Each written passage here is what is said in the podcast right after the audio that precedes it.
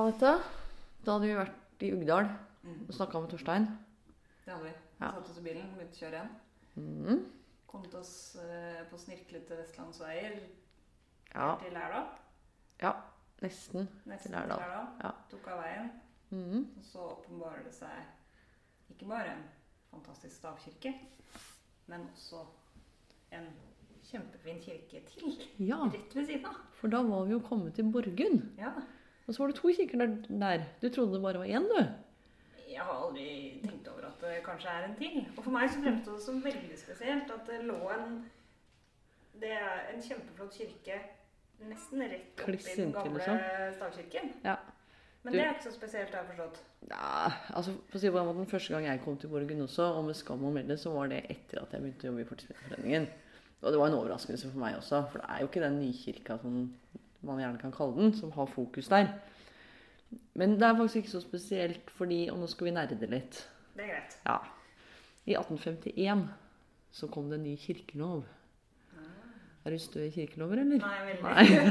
veldig dårlig på kirkelover. Det skjønner jeg godt. Det er ikke heller noe god på det. Men i hvert fall, den fastsatte at kirken i sognet måtte ha plass til minst tre tiendedeler av sognets befolkning. Og det hadde ikke Borgen. Nei. Gamle stavkirken. Nei, og dette var egentlig ganske krise for ganske mange gamle kirker. Eh, For det var, i, det var veldig mange av dem som ikke hadde plass til så stor del av befolkningen. Borgund var en av dem. Borgund er jo da en stavkirke eh, oppført omkring 11.080. Så den er gammel. Det er gammel. Ja, den er det. Og hadde overhodet ikke plass til tre tiendedeler av befolkningen. Så så vidt jeg har skjønt, så var det jo først planer om å bygge på stavkirken. Forlenge den litt og utvide den litt, liksom. Ja, for det hører jo til med, med til historien at eh, Lærdal på 1800-tallet var jo ikke noe rik bygd. Nei. Så det ble jo kanskje ansett som den billigste og rimeligste Jeg tror liksom det var Løsningen. det var liksom det de hadde penger til. Mm. Ja.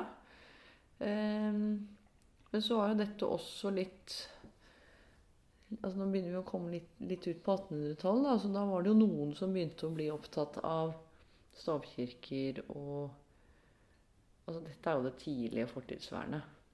Ja. Og Fortidsminneforeningen var jo stiftet Mhm. 1844. Det har jeg lært. Ja.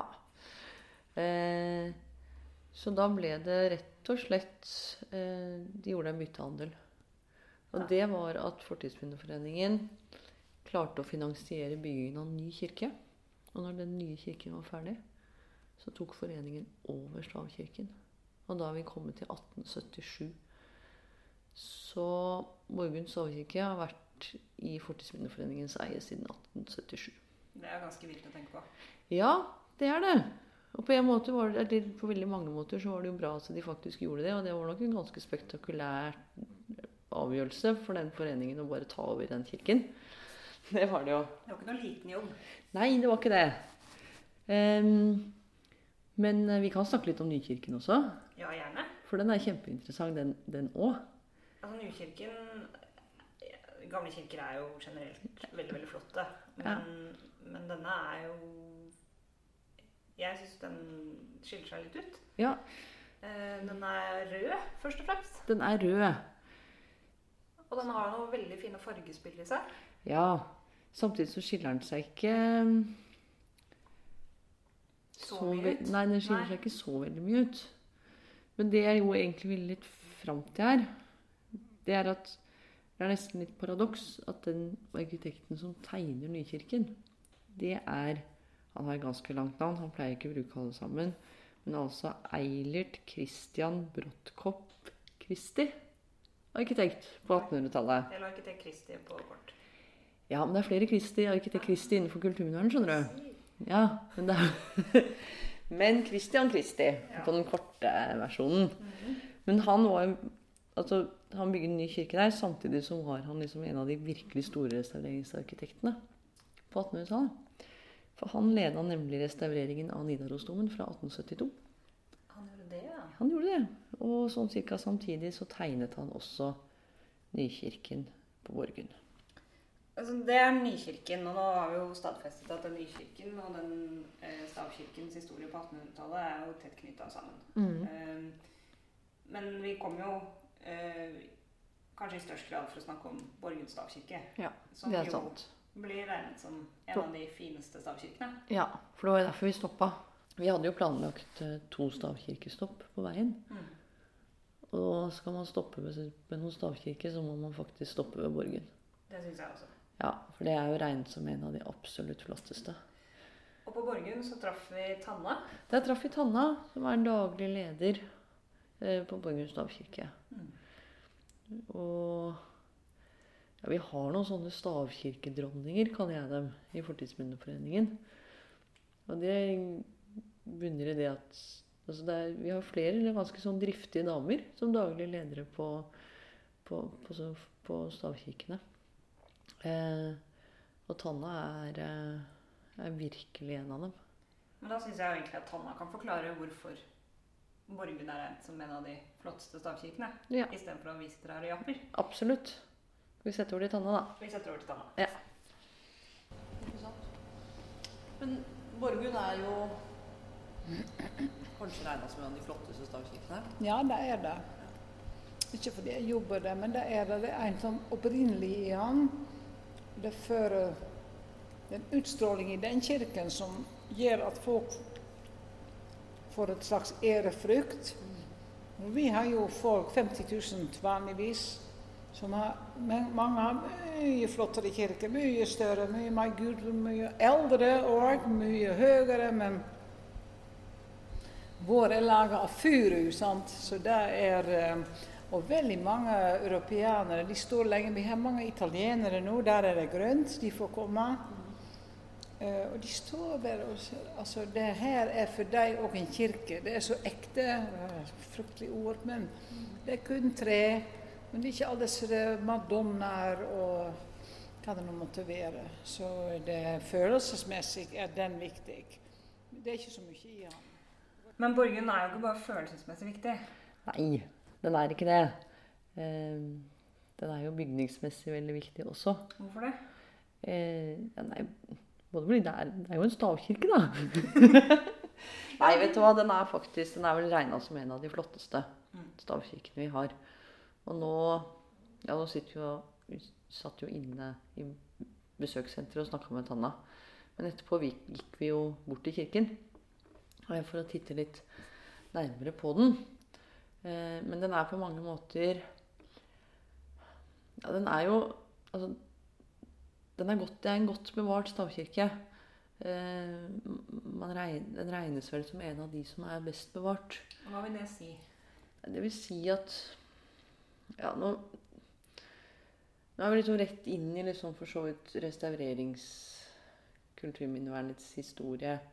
Og vi er litt i brytninga på 1800-tallet med det som gjerne ble kalt en stilrestaurering, hvor man eh, Som var egentlig gjengse oppfatning fram til fram mot ja, i, i Norge sin del fram mot rundt 1870.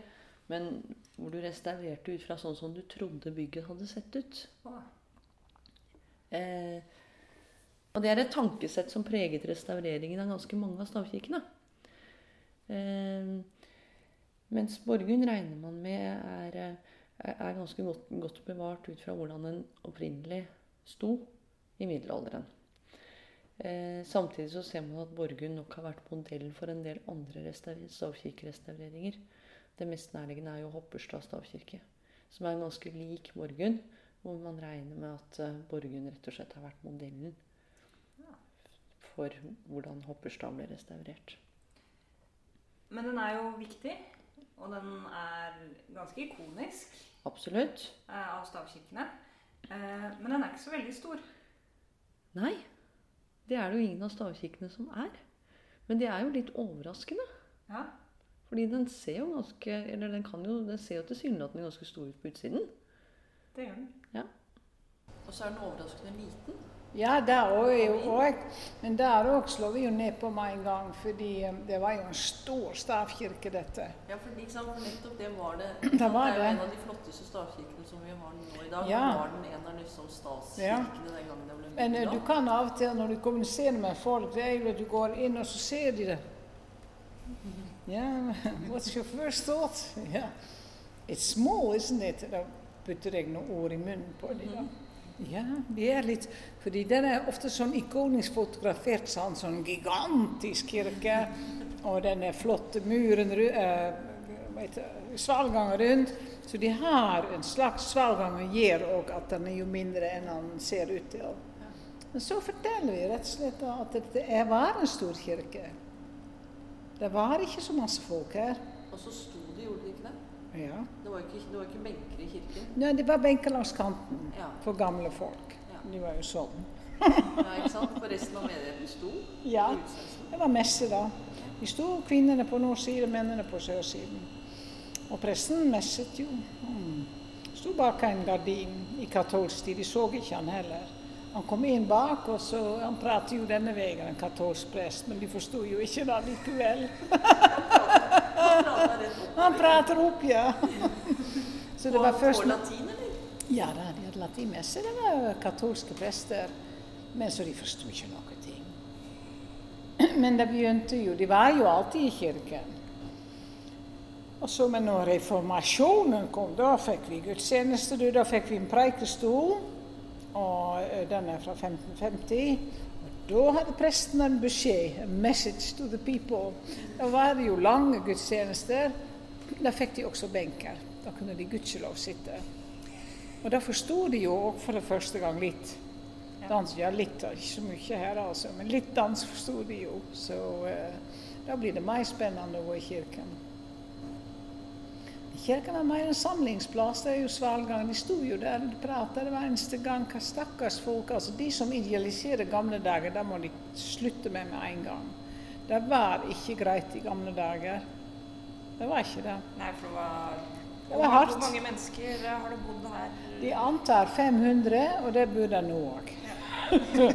Her var litt jord, slik at det der har jo alltid nordmenn slår seg jo alltid ned hvis det er en par tufter, fordi det er jo bare fjell her. ja. Det var omtrent det samme, tror de, som, eh, som nå. Ja. Det var jo en relativt stor bygd, altså 500 mennesker. ja, men eh, det, vet du at det var tre stavkirker bare i dalen her? Ja. Tre. Ja. På Tynjum og eh, i, på Jøsne og her. Det er helt utrolig. Så paven, når han skulle kristne oss, så skjønte jo han at vi trengte ikke katedraler noe nødvendigvis.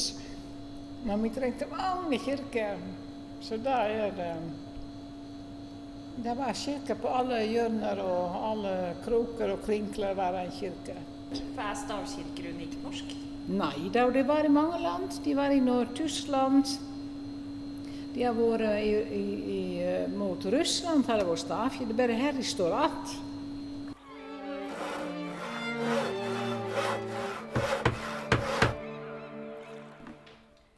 Ja, altså vi, vi har satt og snakka med Tanna, fikk en utrolig hyggelig prat med henne. Men det var jo besøkssenteret. Ja. Og vi var der, og da måtte vi jo bort og se på kirken. ja. Vi måtte jo bort og se på kirken. Og kanskje litt spesielt eh, så litt spesielt mye på Borgen. Ja, det gjorde vi jo. Og det er jo veldig Det er noe med å oppleve kirken litt på avstand som er viktig, for du må liksom få overblikket. Eh, Men så er det noe å komme bort der også og Se Og på også detaljene. Ja, både se på detaljene, men også liksom kjenne lukta av tjærebredde vegger, liksom. Det er ganske flott, altså. Ja, for det er jo en sånn ting som for det uinnvidde øyet så ser man på disse stavkirkene, og så har den fantastiske effekten det tjæren har på treverket. Ja, det gir en sånn enormt fin glød. Eh, jeg tenker Ja, vi skal dra fram liksom Når vi gikk bort her, da, hvis vi tenker tilbake til det, er det liksom Jeg skal trekke fram tre ting som er viktig som var viktig i den opplevelsen vår der. Det var jo for så så var det jo lukta av tjære. Eller lukta av tjærebredde vegger. Og så var det jo dragehodene på taket. For de er ikke på alle stavkirker. Nei. Selv om man kanskje skulle tro det. Ja, de er på mange, men ikke på alle. Slett ikke på alle. Mm. Eh, men de er jo men, de er jo absolutt til stede i Borgund.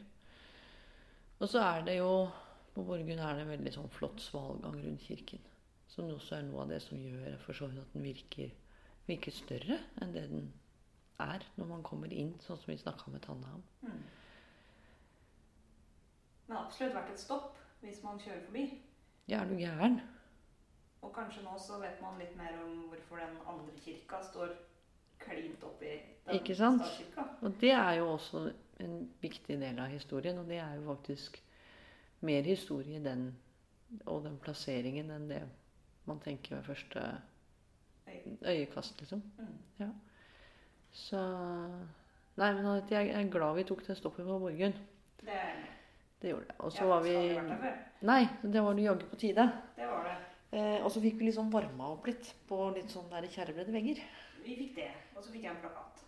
Du fikk en plakat. Har du hengt den over senga? Nei, jeg har ikke det ennå. Det må du gjøre. Det er en pågående diskusjon i heimen om Aha. Ikke sant. Men vi fikk varma opp litt, og det var, eh, det var jo fint. fordi neste stopp, der fikk vi jo tjærebredde tømmer, eh, tømmervegger så det holdt. Å ja, ja, ja, ja. Ja. Er du gæren? For neste stopp så kom vi til Vågå. -hmm. Til Norigard Blessom. Det gjorde vi. Så det får dere høre mer om neste uke. Ja. Om hus og folk er et samarbeid mellom Fortidsminneforeningen og Bygg og Bar. Jeg heter Anette Ramstad. Og jeg heter Mathilde Sprovin. Følg neste episode der vi drar videre i Norges land på jakt etter spennende hus og folk. Neste stopp Norigard Blessom i Vågå.